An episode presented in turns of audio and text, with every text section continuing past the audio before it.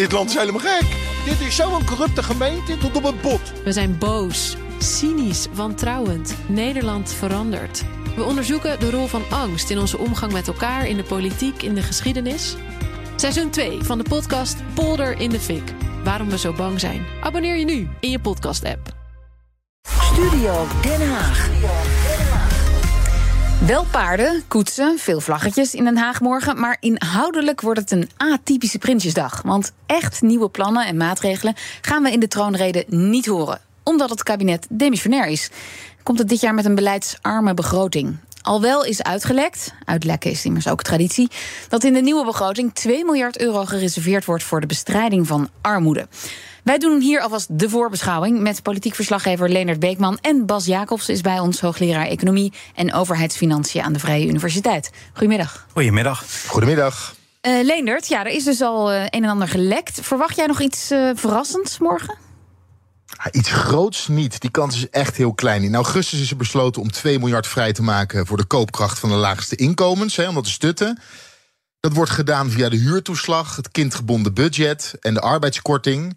En we moeten deze maatregelen toch wel zien met het oog op de verkiezingen. Mm. Uh, als dat niet zou gebeuren, zou het aantal mensen in armoede, dus zonder dat nieuwe beleid, stijgen tot zo'n 1 miljoen. Ja, en met dat cijfer wilden de coalitiepartijen de verkiezingen niet ingaan. En die maatregelen werden ook eigenlijk al direct gelekt. Hè? Dus voor Prinsjesdag al vrij vroeg. Ja, en als er nog andere grote cadeautjes waren, dan denk ik dat we dat nu in de wandelgangen ondertussen wel gehoord Ja, dan was het ook wel gelekt.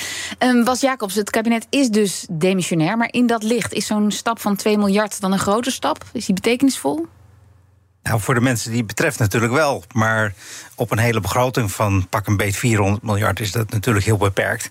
En ook als je het bijvoorbeeld afzet tegen wat we vorig jaar aan extra maatregelen hadden getroffen om de koopkracht te ondersteunen. Toen besloot Rutte 4 tot een uh, compensatie van 17 miljard. En er kwam toen waren dat was volgens de ramingen toen, nog 12 miljard ongeveer aan, aan, aan energieplafond overheen. Uh, dus nou, grofweg 25, 30 miljard aan, aan extra maatregelen. Ja, dan is nu 2, 2 miljard, miljard natuurlijk niet zoveel. Ja, maar goed, die, die, die, zoals u al zegt, die 2 miljard voor de mensen die het betreft, ja, dat scheelt echt wel. Als je toeslagen gaat verhogen bijvoorbeeld, dat scheelt per maand heel veel voor een huishouden. Zeker. Ja. En nou goed, de, de CPB-ramingen die lieten ook zien afgelopen zomer dat de armoede zou gaan toenemen. Uh, de regering wilde natuurlijk niet met groeiende armoedecijfers de, uh, de, de, campagne in. Uh, ze hebben gewoon dat cijfer uh, netjes weggepoetst op de raming van vorig jaar. Ja. Zodat in ieder geval niet de, de, de armoede toeneemt. Zou groeien. Leendert, ja, waar komt dat vandaan? Wie gaat het betalen, die 2 miljard? Ja, die 2 miljard wordt voor het grootste gedeelte opgehaald in box 1. Hogere inkomens vallen eerder in, de, in het hoge tarief en gaan dus meer belasting betalen. Dat levert zo'n 1,6 miljard euro op. En verder gaat de accijns op tabak en alcohol omhoog. 100 miljoen euro. En dan is er nog een meevaller in box 2 met betrekking tot de winstbelasting. Oké, en, en dat, dat is rond, die 2 miljard dan? Ja, want ze moeten een, eh, een, een, een begroting moeten ze ook presenteren. Eh, zonder gaten erin. Nee, hij moet sluitend zijn. Hè? Ja. Uh, Bas, ja. Bas Jacobs, um, nu denk ik voor de duidelijkheid, de begroting sluit niet. Hè? Het begrotingstekort gaat richting de 3% nu door de aanvullende maatregelen. Dus mm-hmm. we geven ongeveer een miljard of 30 meer uit dan dat we binnenkrijgen. Ja. Maar dan toch even terug naar die armoede. Is er eigenlijk wel een specifieke definitie van armoede? Nou, dat, dat het duidelijk is naar wie het dan ook echt gaat? Nou, je kan er naar een absolute armoedegrens kijken, zoals het CPB doet. En dan tel je hoeveel mensen met een inkomen eronder zitten. Je kan ook naar een relatieve armoedegrens eh, kijken. Bijvoorbeeld zoveel procent van het gemiddeld inkomen. Mhm. En dan ga je tellen hoeveel mensen daaronder zitten. Wat de juiste is, daar heb je geen eenduidige definitie voor, omdat het een heel politiek gekleurd concept is. Wanneer vind je iemand arm? Ja. En daar komen allerlei normatieve uh, ethische, morele oordelen bij kijken. En daar heb ik als econoom minder verstand van. Maar er is wel een soort van brede, een gedeelde visie dat, dat armoede niet alleen is geld voor brood. Eten en de huur, maar dat het ook gaat om meedoen in de maatschappij. Kun je, kun je bijvoorbeeld je kind naar een sportclub laten gaan? Daar kan je een heel gesprek over voeren. Uh, en, uh, ja, ik vraag binnen niet de naar uw mening, En in, in, in de, de, de welvaartseconomie zijn allemaal verschillende discussies over wat het beste armoedeconcept is. En het enige wat ik weet is dat er boekenkasten over volgeschreven zijn, maar dat er geen eenduidige definitie is, omdat er achter ieder armoedebegrip zit een ander politiek, normatief, ethisch waardesysteem. wat je belangrijk kan vinden of minder belangrijk kan vinden. Maar als er dan anders gestemd wordt in de Kamer. en ze zeggen, nou, armoede, dat betreft deze groep. kan het dan ook uiteindelijk zo zijn dat je meer nodig hebt dan die 2 miljard? Dus als, je, als de politiek. Als het begrip ruimer wordt. Precies, als het ruimer wordt, dan is de rekening ook hoger. Ja, natuurlijk. En het is natuurlijk volkomen legitiem dat de politiek zich bekommert om de mensen die het minder hebben in deze wereld. En daar probeert inkomensondersteuning of andere ondersteuning voor te organiseren. Uh, het is alleen niet uh, aan de econoom om daar uh, nee, heel hard stelling in te nemen, want daar gaan ze niet over. Ja, want dan, dan het volgende begrip, wat heel vaak valt in aanloop naar Prinsjesdag, maar ook zeker naar de verkiezingen: bestaanszekerheid.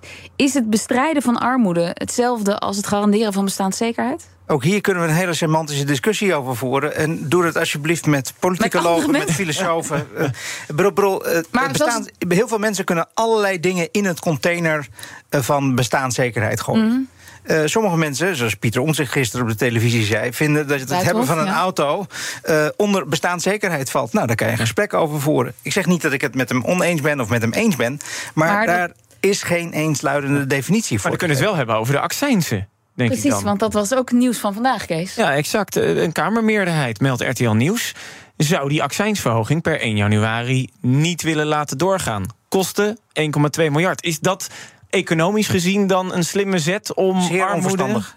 Uh, bedoel, Kijk, die accijnsverlagingen, dat hebben we ook vorig jaar gezien en dit jaar weer, die komen vooral terecht bij de hoogste inkomens. Ik heb zelf zitten rekenen bij een van die eerste pakketten, toen de eerste keer de accijnzen verlaagd werden. Daarvan schatte ik dat zo'n 60% van het budgetair beslag terecht kwam bij de 40% rijkste mensen. Ja, Daarvoor was het niet bedoeld. En dat komt omdat zij grotere auto's hebben, meer kilometers maken, vaak ook meerdere auto's. En het voordeel is dus regressief. De hogere inkomens profiteren daar relatief het meest van. Ik schat ook dat iets van uh, uh, 12 procent. Uh, van uh, uh, het, het, het, budgetair beslag bij de onderste 30% terecht kwam. Ja. Dus die accijnsmaatregel helpt niet Nee. om de gelijkheid in het land te bevorderen. Het zet mensen aan om veel meer te rijden, duurdere auto's niet. te hebben, meer auto's te hebben. En het verpest daarmee ook weer het klimaat. Ja. Dus op basis van doelmatigheid, op basis van rechtvaardigheid en op basis van klimaatargumenten moet je die accijnsverlaging afwijzen. Afwijzen, ja. Maar goed, de. de um, uh de Kamermeerderheid, vooral de rechterflank van de, van de ja, partij plus SP, SP ja, ja. Uh, die pleiten daarvoor. Maar dat is dan in uw, als ik u goed beluister, een beetje campagnetaal ook. Uh, de verkiezingscampagne is overduidelijk begonnen. en uh, er komen een hele hoop plannen de komende ja. maanden voorbij. waarvan economen vinden dat moet je niet doen. Ja. Um, nog even dan het punt van het minimumloon. Uh, Leonard, uh, GroenLinks PVA die willen van 16 euro. die willen naar 16 euro. En de ChristenUnie zelfs naar 18 euro? Ja, zeker. En ook uh, het minimumloon zal ook bij de algemene politieke beschouwingen zal het weer te sprake komen. Uh, want de ChristenUnie en uh, GroenLinks Partij van de Arbeid hebben al aangekondigd dat ze in de begroting van volgend jaar ook een verhoging van het minimumloon al terug willen zien. Ja. En zij kondigen een pakket aan van 2 miljard om de begroting te verspijkeren. En ook D66 heeft plannen voor zo'n 2 miljard. Uh, bijvoorbeeld om naar de arbeidskorting te kijken, om dat te verhogen. Maar ook uh, de kinderopvangtoeslag te verhogen. Nou, zoals we net al zeiden, onder leiding van de VVD. Eh, de accijns op brandstof. Dat zijn allemaal plannen, dat gaat miljarden kosten. En dan moet je ook daar dekking voor hebben. Want dat gaan we vanuit het kabinet horen. Leuk dat u dit bedacht heeft. Maar we willen ook dekking zien. Nou, voor de accijnsen op brandstof zijn ze er nog niet over uit. over uit.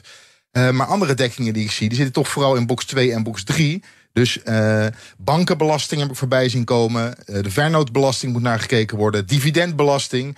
Ja, dus er gaan hm. heel veel plannen de komende dagen voorbij komen. tijdens de algemene politieke beschouwingen. Maar de dekking, dat wordt eigenlijk de belangrijkste vraag. Ja. Hoe ga je dan je plannen dekken? Want als je een Kamermeerderheid hebt, je hebt een plan en je hebt dekking, dan kan het er doorheen komen. Ja, en even op dat punt van het minimumloon. Verhogen van het minimumloon naar 16, dan wel 18 euro per uur. Is dat economisch gezien een verstandige zet? Nou, als je het zo uh, formuleert, dan moet je twee dingen afwegen die heel moeilijk af te wegen zijn. Namelijk één.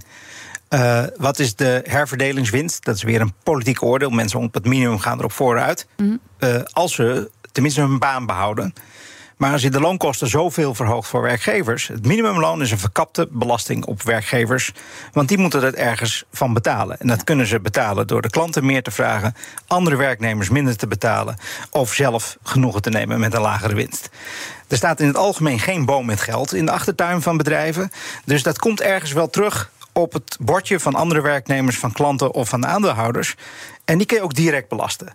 En dat is in het algemeen te prefereren om zo'n lagere belasting voor mensen op het minimum mogelijk te maken. Want dan lopen ze niet de kans om door hogere loonkosten uit de markt te worden geprijsd. Nee, of ontslagen te worden. Of dat ze pas op een later punt in dienst genomen worden. En die werkgelegenheidseffecten. Dus als je het plat slaat, hoger minimumloon leidt tot meer herverdeling, maar leidt ook tot meer werkloosheid. Economen kunnen en geen uitspraak doen over eh, de, de, de, de baten van die herverdeling, want het is weer politiek.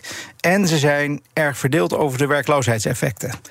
Uh, er is nogal wat empirisch onderzoek de laatste jaren gekomen waaruit blijkt dat uh, hoger minimumloon beperkte effecten heeft op de werkgelegenheid. Maar er zijn ook studies die op hele schadelijke effecten kunnen wijzen. Maar als je gaat praten over minimumloonverhogingen, zoals ik die nu zie, van 25 of 30 procent of nog meer ten opzichte van wat het nu is, dan moet je serieus rekening houden. Zeker als de conjunctuur een keer weer omslaat, dat die mensen dan van de loon, loonlijst verdwijnen. Die staan op straat. En dan help je de mensen die je nu wil helpen van de regen in de drup. Want dan hebben ze weliswaar een hoger minimumloon, maar geen baan meer. Nou. nou, dat moet je denk ik niet willen. En het is voor hier heb ik onderzoek naar gedaan. Blijkt uit op mijn onderzoek en dat van een aantal anderen. dat het beter is om gewoon mensen op het minimum minder belasting te laten betalen. of ze zelfs een belasting teruggave te geven. Gewoon directer, dus niet via zo'n omweg. In plaats van via uh, uh, de werkgever te dwingen om meer te betalen. En nu is de waarschijnlijk de treurigheid. We doen dit omdat het de overheid niet lukt op een goede manier mensen op het minimum geld te geven. Zie de toeslagen. Ja. En dus kiepert de overheid, of kieperen die politieke partijen dit probleem nu naar het bedrijfsleven. Omdat ze het zelf niet meer lukt om in een hele basale overheidstaak bestaanszekerheid te organiseren. Het zelf niet meer voor elkaar krijgt om die mensen voldoende inkomen te geven. Bas Jacobs, hoogleraar Economie en Overheidsfinanciën en politiek verslagengever Leonard Beekman, dank jullie wel. En Leonard, ga een beetje op tijd naar bed, want wij hebben een hele lange dag morgen.